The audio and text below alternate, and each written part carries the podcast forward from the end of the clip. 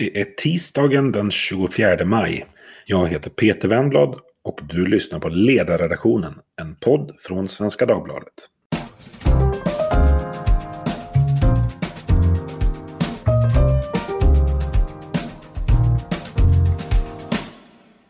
Idag så ska vi prata om all ny elektricitet som behövs för att den svenska industrin ska bli fossilfri. Var ska elen produceras? Hur ska den komma fram dit den behövs? Och hur ska elproduktionen kunna öka så snabbt som krävs för, för att företagen ska kunna hålla sina tidtabeller för klimatomställningen? Och hur tänkte de egentligen när de gjorde de där tidtabellerna? Jag har två gäster med mig som jag hoppas kan svara på en del av de här frågorna i alla fall. Eh, den första är Niklas Johansson. Han ansvarar för kommunikation och klimat på gruvkoncernen LKAB och den andra är Lina Håkansdotter som är public affairs-chef på stålföretaget H2 Green Steel som planerar att starta stålproduktion i Boden. Visst är det så Lina? Det stämmer det. Välkommen båda två. Tack. Välkomna. Tack. För att våra lyssnare ska få lite bakgrund om varför vi sitter här och pratar. Vi låter Niklas börja. Vad är det LKAB planerar att göra? Varför planerar ni att göra det och till när? Vi håller ju på och planerar för att ställa om hela vår järnmalmsproduktion eh, och utveckla produkter som blir koldioxidfria, fossilfria, någonting som kallas för järnsvamp. Och I grund och botten så är det ju att ska du göra stål så måste du få bort syret ur järnmalmen först. Det här görs i dagsläget mycket i masugnar, då använder man kol och koks och det blir enorma utsläpp i stålindustrin. Vi vill ju ställa om hela LKABs eh, produktion av järnmalm för att göra järnsvamp, så vi går upp i förädlingskedjan, skapar en ny, mycket mer värdefull produkt samtidigt som vi då skapar möjligheterna för stålindustrin att ställa om och sparar enorma koldioxidutsläpp. Vi pratar här om att ställer vi om hela det här så motsvarar det hela Sveriges utsläpp som kan sparas inte som kan räknas bara i Sverige. Vi sitter ju ihop med SSAB och planerar för den här omställningen ska ske. Men däremot också hos alla våra andra kunder. Så totalt sett så pratar vi om en möjlighet att spara 40 till 50 miljoner ton, lika mycket som Sverige släpper ut totalt idag genom att göra. Men det kräver enorma mängder el för att göra det här. Eh, totalt sett pratar vi om 70 terawattimmar. För visst är det så eh, Niklas, alltså i dagsläget så LKAB, när ni bryter järnmalm som ni gör, eh, så har ni inte ni jättestora utsläpp, utan de allra största utsläppen de kommer i själva ståltillverkningen, alltså ja. när man använder eh, men, men nu ska ni, vad ska jag säga, ni förändrar lite grann vad ni tänker att ni levererar till stålindustrin. Precis, vi förädlar våran produkt. I dagsläget så har vi ju järnmalmsprodukter som går till stålverken där de förädlar dem vidare i sina mm. masugnar. Och då, binder liksom, då försvinner det här syret som sitter i järnmalmen och binder med kolet som de använder i masugnarna.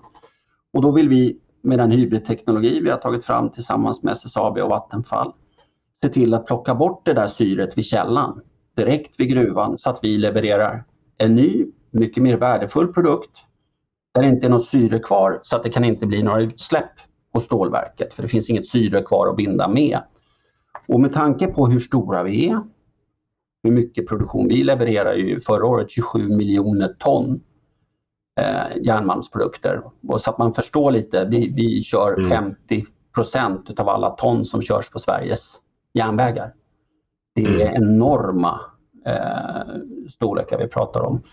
Och lite grann så att som folk inte riktigt greppar tror jag när man ser den här skalan i den här typen av tung industri. Vi tjänade 27 miljarder före skatt förra året. Det är jättestora pengar. Men vi fick, vi bryter, spränger och bryter tusen meter under marken, krossar, forslar upp, gör till pellets, lastar på järnvägsvagnar, kör till hamn, tappar i båt till en kund. Och vi fick 1 krona 70 öre kilot för produkterna i snitt. Vi kommer till det där med elbehovet för att ni ska kunna bli fossilfria. Men hur, jättekort, hur ser tidtabellen ut? När ska LKAB vara fossilfria? I grund och botten vad vi pratar om att det här är någonting som vi börjar med nu, där den första anläggningen, den här första hybridanläggningen som SSAB, Vattenfall och vi gör ska vara igång 26.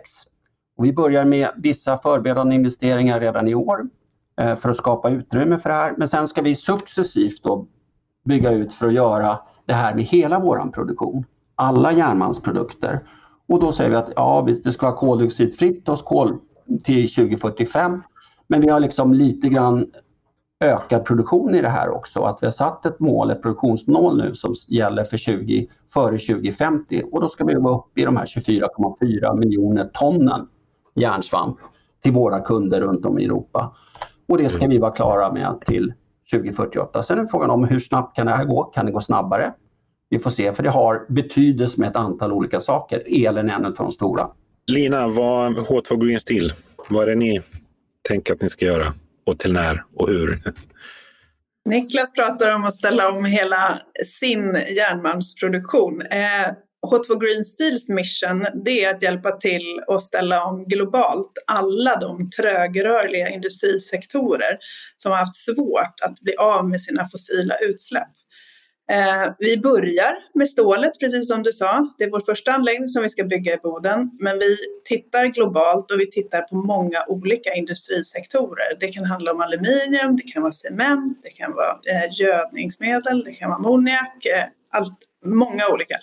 Den sammanvägande faktorn här är att vi använder vätgas för att möjliggöra den här fossil, äh, omställningen från fossil Eh, fossila utsläpp. Eh, och i eh, Boden då, som blir vår första anläggning, där kommer vi producera förnybar vätgas med hjälp av förnybar el i form av vattenkraft och vindkraft. Utav den här vätgasen kommer vi sen, precis som Niklas nämnde, eh, reducera järnmalmen eh, så att vi får eh, direktreducerat järn som vi sen i en kontinuerlig process kommer köra vidare in i vårt stålverk. Så att vår process går från pellets, järnpellets eh, till eh, färdig slutstålprodukt eh, och är helt integrerad. Och det här gör att den här processen blir väldigt energieffektiv. En, en avgörande skillnad här i, mellan H2 Green Steel och LKAB, om jag förstått saken rätt, det är att LKAB ställer om en befintlig verksamhet. Ni startar en ny. Vi startar en helt ny och vi går längre än vad LKAB gör. LKAB stannar ju mitt i processen och sen ska de kyla sin järnsvamp och exportera den till SSAB som tar den vidare för stålproduktionen. Vi går hela vägen. Det finns en skillnad här att vi kör in varm pellets för att göra det här. Så att det vi ser är ju att det här är en mer energieffektiv process egentligen för det är mer, mer pellets som går in för att göra järnsvampen än det järnsvamp som går in för att göra stålet. Plus att du slipper transportera runt syret.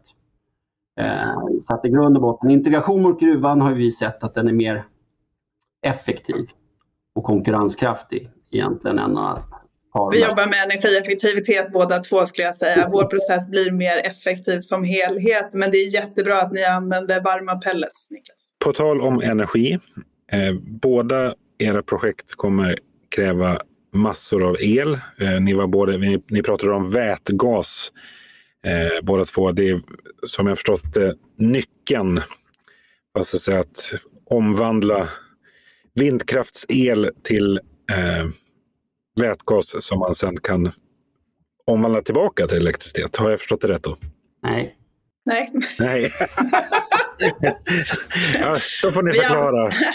Vi, använder vätgasen som vi producerar för att reducera järnmalmen. Vi tar bort syret, som Niklas nämnde. Ja. Sen använder vi också väldigt mycket el i de efterföljande processerna i ljusboksugnen där vi smälter stearin och, där vi, och sen i stålverket. Eh, så att vi använder el i hela processen. Ja, men, Så är det. Och det, där, det är en jätteviktig distinktion i de här, för att det är en massa som tror att vi ska göra el igen utav vätgasen och då förlorar du en massa på det. Skillnaden med det här är mm. att i, i den här processen just för direktreduktion utav, utav järnmalmen så är det vätgasen som behövs. Um, liksom för fem år sedan så hade man inte som företrädare för tung industri sagt att, att vindkraft är, är en jättemöjlighet eftersom vi har produktion 24 timmar om dygnet. Men elen ska användas till vätgasen. Vätgasen kan vi lagra. Och grund och botten så ser vi en enorm möjlighet här för att vi ska kunna ha väldigt mycket mer vindkraft i systemet än vi annars skulle kunna ha. Vilket är det billigaste idag. Därför att vi kan producera vätgasen när det blåser mycket och priserna går ner. Och när det inte gör det, ja, men då kopplar vi av oss och använder vätgasen för lager. För det är vätgasen som behövs i produktionen hela tiden. Men det är inte tänkt att vi ska producera el och få förluster av att producera el utav vätgasen igen. Utan det är vätgas. Så att vi blir en planerbar konsument på ett annat sätt. För att liksom hantera intermitentitet, liksom problemet här... med det blåser inte jämnt. Här är ytterligare en liten skillnad mellan våra två olika processer. För LKAB planerar ju för väldigt stora vätgaslager. Det gör inte vi. Vi kommer att ha ett vätgaslager som är ett par timmar eh, stort. Och det kommer möjliggöra att vi kan vara flexibla mot elsystemet. Vi kan hjälpa till att leverera eh, millisekundsnabb frekvensreglering. Eh, så vi kan supporta systemfunktionen på det sättet och vi kan tjäna en del pengar på det också. Eh, men vi kommer inte stänga ner vår vätgasproduktion under en dag eller en vecka. Och det tror jag att LKAB har tänkt sig att de ska göra. Så vi har mm. lite olika ja. ingångar där. Ja, och där, där säger vi att det, det möjliggör att vi kan göra det och bygga de där storskaligt, de här vätgaslagren. Det gör att man faktiskt får en systemeffekt på det här också, där man kapar toppar i, i, på priserna på systemet. Och att för det som vi ska göra är så stort så att det, det, skulle vara väldigt svårt om man inte hade den här möjligheten att kunna lagra det här i lite längre tider. För vi pratar, det vi ska göra är, är ju lite större. Hur som, en gemensam nämnare att båda era, att era planer eh, kräver kopiösa mängder el eh, och att det här kommer kräva enorma investeringar både i ny kraftproduktion och i kraftöverföring, alltså eh, elnät och annat. Och eh, ovanpå allt det här så måste det dessutom gå ganska snabbt. Hur ska det gå till? Undrar jag och jag tror kanske många med mig. Jag, jag, jag, kan börja här. Och, eh, jag tänker, det är många som, som tror jag irriterar sig på den här hastigheten, att vi har så himla bråttom. Och jag vill bara vara tydlig med att det är inte så att det är vi som företag som har bråttom. Det är inte vi som har satt tidplanen. Om det nu är så att vi tror på det som forskarna säger inom ramen för IPCC till exempel. Deras senaste rapport säger att om vi fortsätter globalt att släppa ut koldioxid på den nivå som vi gör idag, då har vi tio år på oss innan vi har fyllt upp den budget som når 1,5 gradersmålet. Det är inte vi som har bråttom, det är planeten som har bråttom. Den håller på att brinna upp och därför måste vi kraftsamla. Det är en jättestor utmaning. Jag säger inte att det här är enkelt på något sätt, men jag ser inte att vi har något annat val än att se till att vi löser de här problemen, att vi gör eh, alla de investeringar eh, som, som vi ser nu finns möjlighet att göra. Men det är, vi måste ha en gemensam målbild. Vi måste jobba tillsammans i dialog. Vi kan inte hålla på och tjafsa om det ena kraftslaget eller det andra eller att säga att vi har en process som gör att vi måste ha så här och så här lång tid på oss. Vi måste sätta oss, lösa ut alla konflikter så snabbt som möjligt och bara köra. Vad, vad, vad tänker Niklas? Hur ska det gå till? Jag, jag håller helt med att liksom så här, vi har ju ännu mer bråttom egentligen.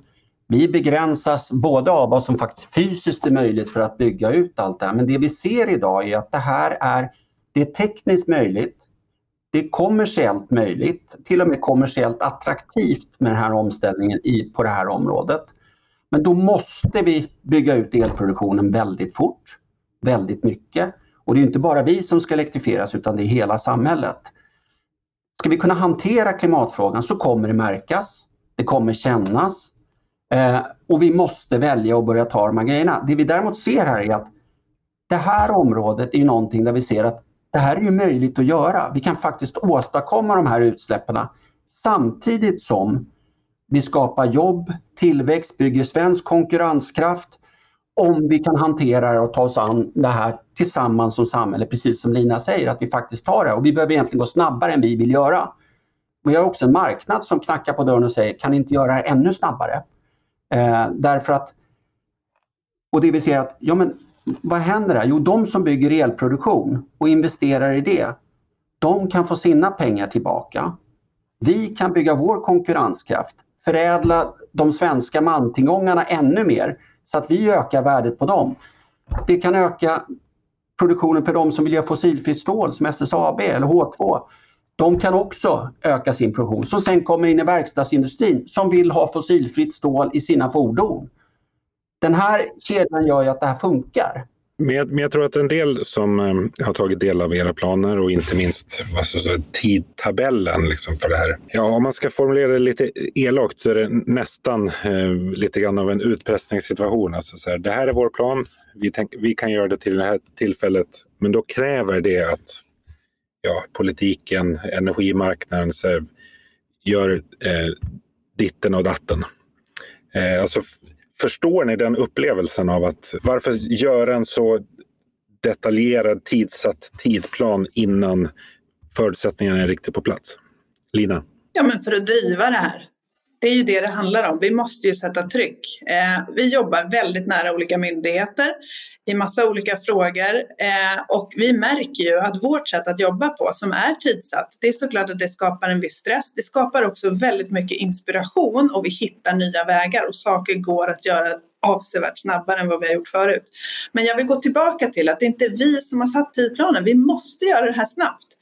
Eh, jag, jag, tycker också att eh, de här kriserna som vi har varit i och är i nu, pandemin till exempel, den visar ju att när det finns ett tydligt hot, då klarar vi av att kraftsamla och göra saker annorlunda och snabbt. Eh, problemet, utmaningen med klimathotet är att den, inte, den märks inte idag direkt på mig och då blir den lättare att skjuta ifrån sig. Men jag skulle vilja säga att den är minst lika allvarlig eh, så, ja, lika allvarlig kris som eh, pandemin eller som kriget som vi har nu eh, precis på vår bakgård. Vi måste ta tag i den här nu. Vi måste kraftsamla för att göra det. Det är det enda här, sättet. Klimathotet försvinner ju inte för att, för att kriget i Ukraina kommer bort. Det är, liksom, det är högst upp på vår dagordning och vår näthinna idag. Men inte så att klimathotet försvinner för, för att annat just nu är, känns och står viktigare. Men vi måste hantera den här frågan och precis som Lina säger, det här kommer behöva gå jättefort. Vi måste, ska vi lyckas med det här så kommer det krävas att vi alla jobbar väldigt annorlunda. Att vi kommer tillbaks till en situation där vi inte låter saker ta tid och ta så lång tid, för då kommer vi inte hantera det. Eh, och någonstans så är det så här att också att vad ska göras utav att vi lever på ett annat sätt? Vi kommer alla behöva leva på ett annat sätt.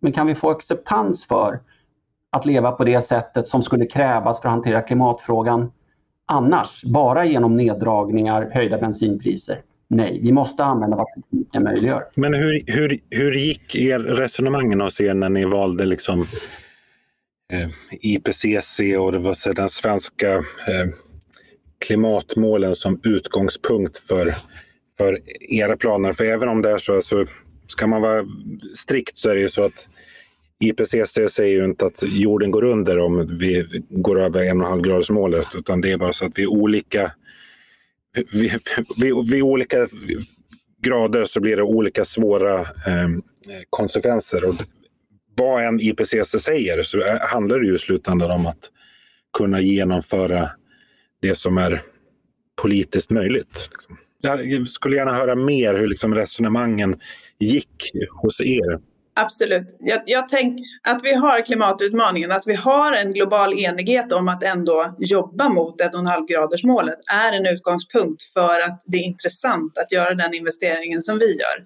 Det har ju gjort att det finns en efterfrågan på produkten grönt stål.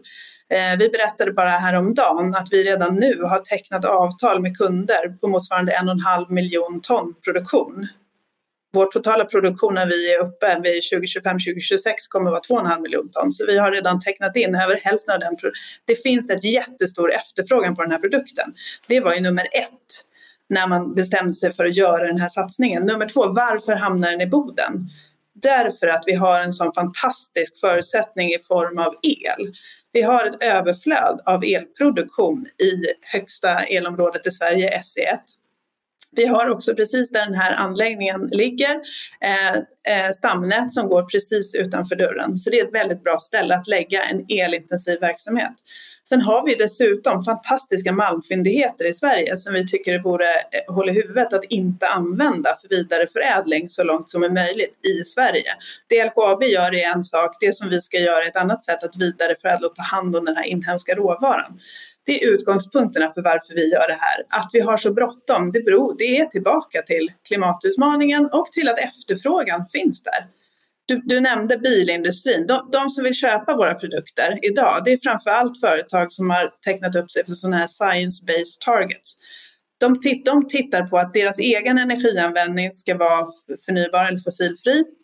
De tittar på att de produkterna som de tillverkar ska ha så låga utsläpp som möjligt. De tittar också på att insatsvarorna för de här produkterna ska ha så låga utsläpp som möjligt. Och då pratar vi till exempel om bilindustrin eller vitvaror som Electrolux till exempel eller byggindustrin. Eh, och de använder mycket stål i sina produkter. Och för dem blir det viktigt att det här stålet har så låga utsläpp som möjligt och därför vill de köpa vår produkt. Hur resonerade ni? Hur gick resonemangen? Delvis liknande men framförallt också från ett annat perspektiv. Vi är ju en gruvindustri. Vi måste hela tiden tänka i 20 års perspektiv för de investeringar vi ska göra framåt när vi ska gå djupare. Annat. För det är jätteinvesteringar som man måste se till att få, få avkastning på. Och, och titta på det här. Så att vi sitter och tittar på men hur ser marknaden ut hur måste den se ut om 20 år? Vad är det som måste finnas då? Ja, men, och vi är del av en värdekedja. I stålindustrins värdekedja, vi konstaterar hur kommer den se ut? Och hur måste den se ut? Där vi ser att ja, masugnarna måste försvinna. Vi måste ändra våran produkt. Vi har lite raljant sett, kan man också säga så här, men vi har konkurrenter som, sitter, som gräver upp malm med grävskopa i Australien och, eh, och Brasilien. Medan vi hela tiden ska gå ner på djupet, djupare och djupare som medför större kostnader. Vi måste hantera den situationen både utifrån klimatet men också utifrån en konkurrenssituation framåt. Hur ska vi vara konkurrenskraftiga och kunna hamna i en situation där vi kan fortsätta och producera och leverera värden till svenska folket och jobb i regionen och som företag finnas vidare. Ehm, Eh, kan konstatera att nu har vi, vi har ju prospekterat och fått enormt eh, positiva resultat och konstaterat att vi har i dagsläget 4 miljarder ton i reserver och tillgångar. Det är dubbelt så mycket som vi har brutit sedan 1890. 4 miljarder ton. Det skulle räcka till järnsvamp för fossilfritt stål för att byta ut hela världens bilpark. Det är vad som finns i marken under. Men om vi ska kunna vara konkurrenskraftiga, bryta upp det här också och göra det på ett klimateffektivt sätt, ja, men då behöver vi storskaligt göra om hela den här kedjan och man måste tänka på det i alla leden för att få ihop det här. Och då ser vi att det funkar. Men när du tittar på storskalig tung industri så kan man inte bara göra saker smått därför att du konkurrerar mot en gammal industri som är uppbyggd på och är storskalig så att när du kommer med alternativet så måste du göra det storskaligt. Du kan inte göra det smått och tro att det blir konkurrens för då blir det väldigt dyrt i jämförelse. Men det behöver inte bli dyrare. Men, men, men tol, tolkar jag dig eh, rätt Lina, alltså att er tanke är, det är inte att liksom, det ska byggas ny kraftproduktion som är vad säger, öronmärkt för H2 Green Steel eller byggas en ny kraftöverföring utan att här, ni tar tillvara på det som, som redan finns? Ja, man kan inte riktigt avgränsa det så. Det finns ett elöverskott i SE1, alltså längst upp i norr, norra Sverige.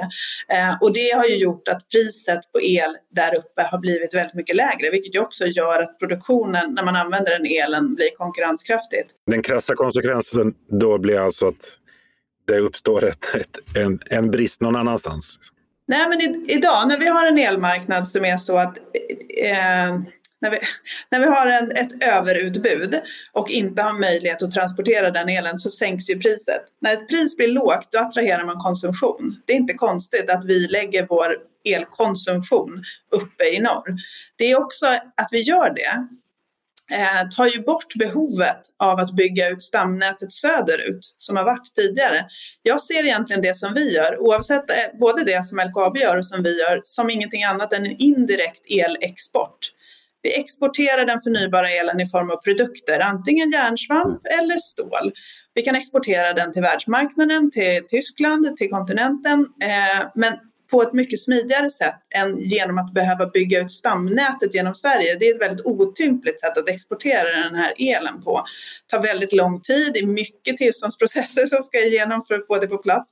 Eh, och på det här sättet, när vi använder elen lokalt, eh, så går det snabbare. Och det gynnar ju också eh, Sverige, exportintäkter, sysselsättning. Men, men om, de här, om, man, om man ändå tänker att de här eh, flaskhalsarna i elöverföringen försvann, alltså mellan norr och söder. Det finns ju trots allt en politisk vilja av det.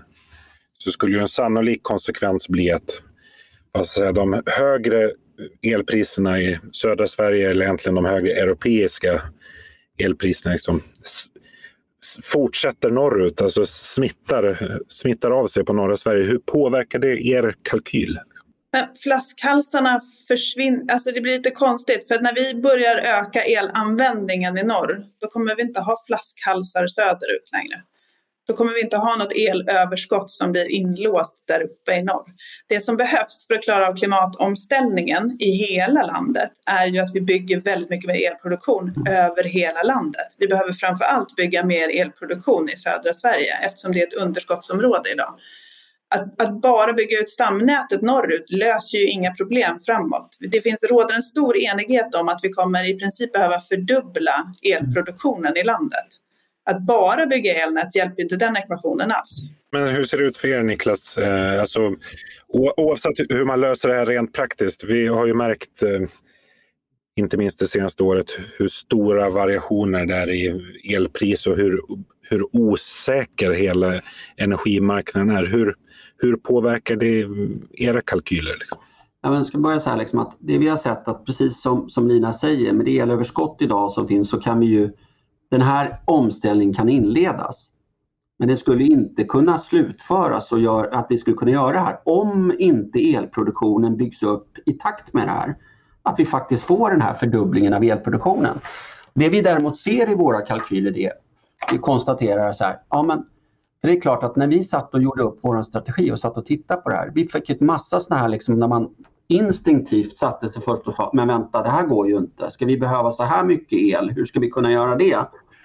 Och så tittar och tittar, nej det är klart vi inte kan, vi kan inte ta Sverige, halva Sveriges elproduktion i, idag, men det är inte det vi pratar om utan det är frågan om hur ska den här elproduktionen se ut framåt? Och där vi ser att vi klarar av att betala de elpriser som de som investerar i ny elproduktion behöver få för att få avkastning på sin investering. Så att gör man det här, ja då kan vi, vi kan hantera klimatfrågan och alla de här investeringarna kan ske på marknadsmässiga principer. Att det är det vi ser, men det är storskaligt, det är jättestort. Men det är inte så att, och vi ser att vi kan börja, vi kan inleda våran, våran expansion och våran omställning på det här sättet med det som finns idag. Men det är inte så att vi kan göra och ställa om hela vår produktion om det inte skulle byggas ut mer elproduktion i Sverige. Då kommer inte det funka. Då blir det för dyrt. Det finns ingen som kommer... LKAB när vi liksom tittar där 2048, 2050 när vi är uppe i hela den här produktionen av järnsvamp på 24,4 miljoner ton. Ja, men då, då pratar vi om att vi behöver el som två Danmark idag. Det finns ingen, du vill ha låga elpriser, jag vill ha låga elpriser, men ingen kommer vara mer intresserad av låga elpriser än, LKAB. Det kan jag lova dig. Och det vill säga att vad är det vi behöver göra då framåt? Jo, det måste byggas ny elproduktion hela tiden av det som just då är billigast för att kunna få fram den här typen av produktion framåt. Idag är det vindkraft. Om tio år kanske är det något annat. Men det är det vi ser när vi liksom, eh, för hur det här ska funka framåt. Lina, du viftade. Det finns ju röster i debatten, konstigt nog ekonomer, som verkar ha någon form av tillväxtfientlig agenda. Jag kan för mitt liv inte förstå varför man skulle tycka att det är dåligt att vi gör mer av det vi har i Sverige idag. Och då pratar jag malm, jag pratar skog, jag pratar vind, jag pratar vatten, inhemska resurser. Varför ska vi inte utnyttja det till max. Varför ska vi inte, och när det dessutom hjälper till att ställa om klimatet globalt med de produkter vi gör. Eh, vi kan ju se att vi har, vi har byggt ut elsystemet. När vi byggde ut vattenkraften så möjliggjorde det en ökad industriproduktion. När vi byggde ut kärnkraften så möjliggjorde det också ökad elintensiv industri. Varför skulle vi inte vilja fortsätta bygga på det fantastiska konceptet som vi har etablerat historiskt och som är det som har byggt vår välfärd? Det är utifrån den här basindustrin som vi sen har eh, massa techbolag och eh, ja, hela välfärden är uppbyggd med det i grunden. Det är inte det som utgör helheten av Sveriges ekonomi idag. Men varför ska vi inte fortsätta bygga vidare på det? Jag, jag förstår inte. Men om vi, om vi tittar på ett eh, eh lite så europeiskt perspektiv och inte minst nu i, i kölvattnet av Rysslands krig mot Ukraina och alltså att hela Europa måste skruva, skruva upp eh, tempot i att göra sig eh, oberoende av eh, rysk energi. De 80 terawattimmar eller vad det eh, är, det, det som ni kommer behöva ungefär. Eh, om man tänker sig 80 terawattimmar ny fossilfri kraftproduktion i Sverige. Hade den, gör den störst klimatnytta hos er och vad ska säga, säkerhetsnytta hos er eller att den går på export? Ja, men det är ju inte antingen eller. Alltså, jag menar, Tyskland, Italien, Frankrike har jätteutmaningar i sitt eh, beroende av rysk olja och gas. Det är ju inget snack om det. Men de kan ju inte lösa de utmaningarna genom att bara importera svensk förnybar elproduktion. De måste ju hitta, de måste ju producera enormt mycket mer förnybar el själva. Och sen tycker jag igen, då för jag slå ett slag för den här indirekta elexporten som våra produkter eh, faktiskt står för. Tyskland skulle kunna importera järnsvamp istället för att importera järnmalm. De skulle kunna ta bort sin kolanvändning och istället använda direkt, elen direkt. Inte som de i många fall idag verkar tycka att de ska ersätta naturgas med vätgas. Det skulle jag säga eh, att man gör det i alla möjliga tillämpningar för uppvärmning i hushåll eller transportsektor. Det är för ineffektivt och det är inte rätt sätt att göra det här på. Men det, det, är inte antingen eller, det är både. Hur tänker du Niklas, är det, är det här bästa samhällsnytta? Ja, men så det, det, jag håller helt med Lina utan vi måste ju göra allting överallt hela tiden. Att ska, vi, ska vi testa alla de olika använd, alternativa användningarna för, för energin mot varandra så blir det en teoretisk, en teoretisk diskussion som passar liksom i, i, i forskningssyfte men, men där är vi inte, vi är förbi det där. Och det kommer alltid vara så att det mest effektiva det är att vi slutar producera. Det är alltid liksom det mest effektiva användningen liksom för att hantera klimatfrågan. Men det vill vi inte ha. Vi vill inte leva på det sättet utan vi måste ta de här stegen framåt. Jag tycker Lina, det här det är precis vad jag menar, så liksom att Sverige har blivit rikt och vi har gjort det här på att vi har byggt vår industri. Vi har förädlat våra råvaror förut och vi vill fortsätta förädla dem. Oavsett om det är skogen, malmen eller elen. Att liksom att vidareförädla, för så bygger vi konkurrenskraft. Och vi kan hantera det. Det vi ser att man kan göra på det här området. Du kan bygga konkurrenskraft samtidigt som vi hanterar klimatfrågan. Och det är bråttom. Det är inte vi som har satt tidplanen och säger att, att det måste vara så här. Men det behöver, och vi skulle hellre, om vi kunde, vilja göra det här snabbare. Både för klimatets skull och för att vi faktiskt har kunder som säger att vi vill ha det här. Eh, och det där blir jättekonstigt i debatten när man sitter och säger nej men vi ska låta bli att utveckla svensk industri. Vi ska låta bli att vi gör de här stegen därför att alla de här stegen måste tas överallt för att hantera klimatfrågan. Och vi har konkurrenter runt omkring som vi ser, de kommer också göra det här. Eh, ska vi låta bli då istället låta det ske i andra länder först? Nej, den, den, den går inte ihop för mig. Men Niklas, i LKABs fall, eh, om minns jag rätt med att ni har vad säger, tillkännagivet, eller vad man ska säga, eh, att ni kommer investera ungefär 400 miljarder kronor i er egen omställning. Ja, nej, men vi räknar i grund och botten med att vi kommer att behöva investera mellan 10-20 miljarder om året under de närmaste 25 åren. Precis. Och jag, jag, var ju uppe, råkade ju faktiskt vara uppe och besöka LKABs gruva i Kiruna för några veckor sedan och kunde ju då se att ni vad ska säga, rent fysiskt redan har börjat, börjat med, med arbetet för liksom möjliggöra omställning. Ni ska öppna en, en ny nedgång till, eller snedbana som jag lärde mig att det hette, till eh, eh, nere i gruvan till exempel för att bereda plats för för vätgasanläggningar och sånt där. Eh, men att, att ni både fattar ett så stort investeringsbeslut och faktiskt börjar göra det eh, rent fysiskt innan ni vet att alla förutsättningar är på plats. Hur, hur, hur, liksom, hur vågar ni det? Vad, vad säger aktieägarna? Ja, vad säger svenska staten om, om, om det? Nej, men I grund och botten så här att, som jag sa, det här tar jättelång tid att göra. Den här typen av omställningar. En del av de här, vi måste göra det, vi måste ner djupare i gruvan för att liksom kunna producera vidare för att finnas kvar. Annars är alternativet, och gör man inte ett antal av de här stegen i takt, ja, men då, blir, då hamnar man helt plötsligt i det att nej, men då får man lägga ner istället. Så att vissa saker, vi fattade för, för ett par veckor sedan så fattade styrelsen ett investeringsbeslut på 700 miljoner för att börja förberedelsearbetet för att skapa plats på industriområdet också för, för olika delar. Och det är ju inte investeringsbeslut för själva anläggningen utan det är faktiskt att en del utav det skulle ju vara, eh, skulle vara riskpengar men företagande är också en, del risktagande som man måste göra för att kunna hantera de här. Och vi står med en tid är jätteviktigt för oss i det vi ska göra. För det är så enormt stort och det är så många olika delar som kommer in i det här. Men det är klart att vi vet ju inte om vi får tillstånd för allt eh, i dagsläget. Det kan vi inte veta, men vi kan inte heller hamna i en situation där vi måste lägga ner. Stänga av. För att vi inte har hunnit göra ett antal förberedelsearbeten under tiden. Så att vissa delar, ja, det blir, skulle i så fall vara bortkastade pengar om vi hamnar i att vi behöver lägga ner istället för att vi får inte fortsätta gruvproduktionen. Men i grund och botten så är ju det här en omställning som man måste ske, ske i olika steg. Och ett visst typ av risktagande är i det, ja det, så, det stämmer.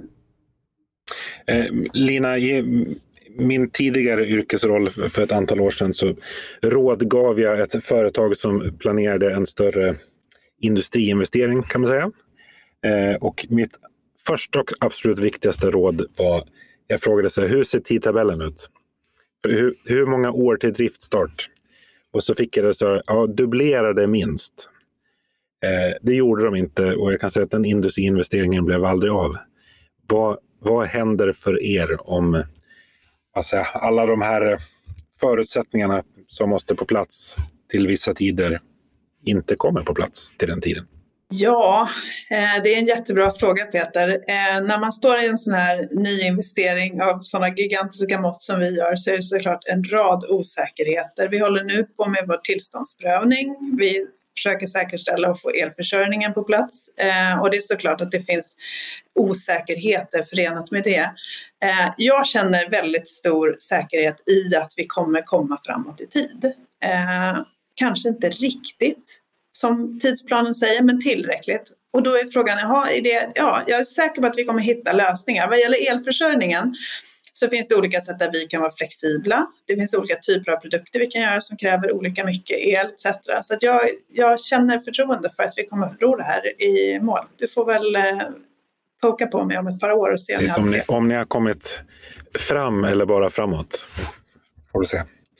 Eh, vi ska faktiskt runda av här. Det finns, eh, jag tror, jag är helt säker på att vi kommer återkomma till frågor kring det här och svensk industris omställning i stort. Eh, stort tack för att ni kunde vara med i SVDs ledarpodd idag, Niklas Johansson och Lina Håkansdotter. Eh, tack också till er som har lyssnat. Hör som vanligt gärna av er till ledarsidan svd.se med kommentarer, frågor och förslag på framtida ämnen. Vi är ibland dåliga på att svara, men vi läser allt eh, som kommer och använder en hel del av era idéer. Producent för sändningen idag var Jesper Sandström. Tack och på återseende.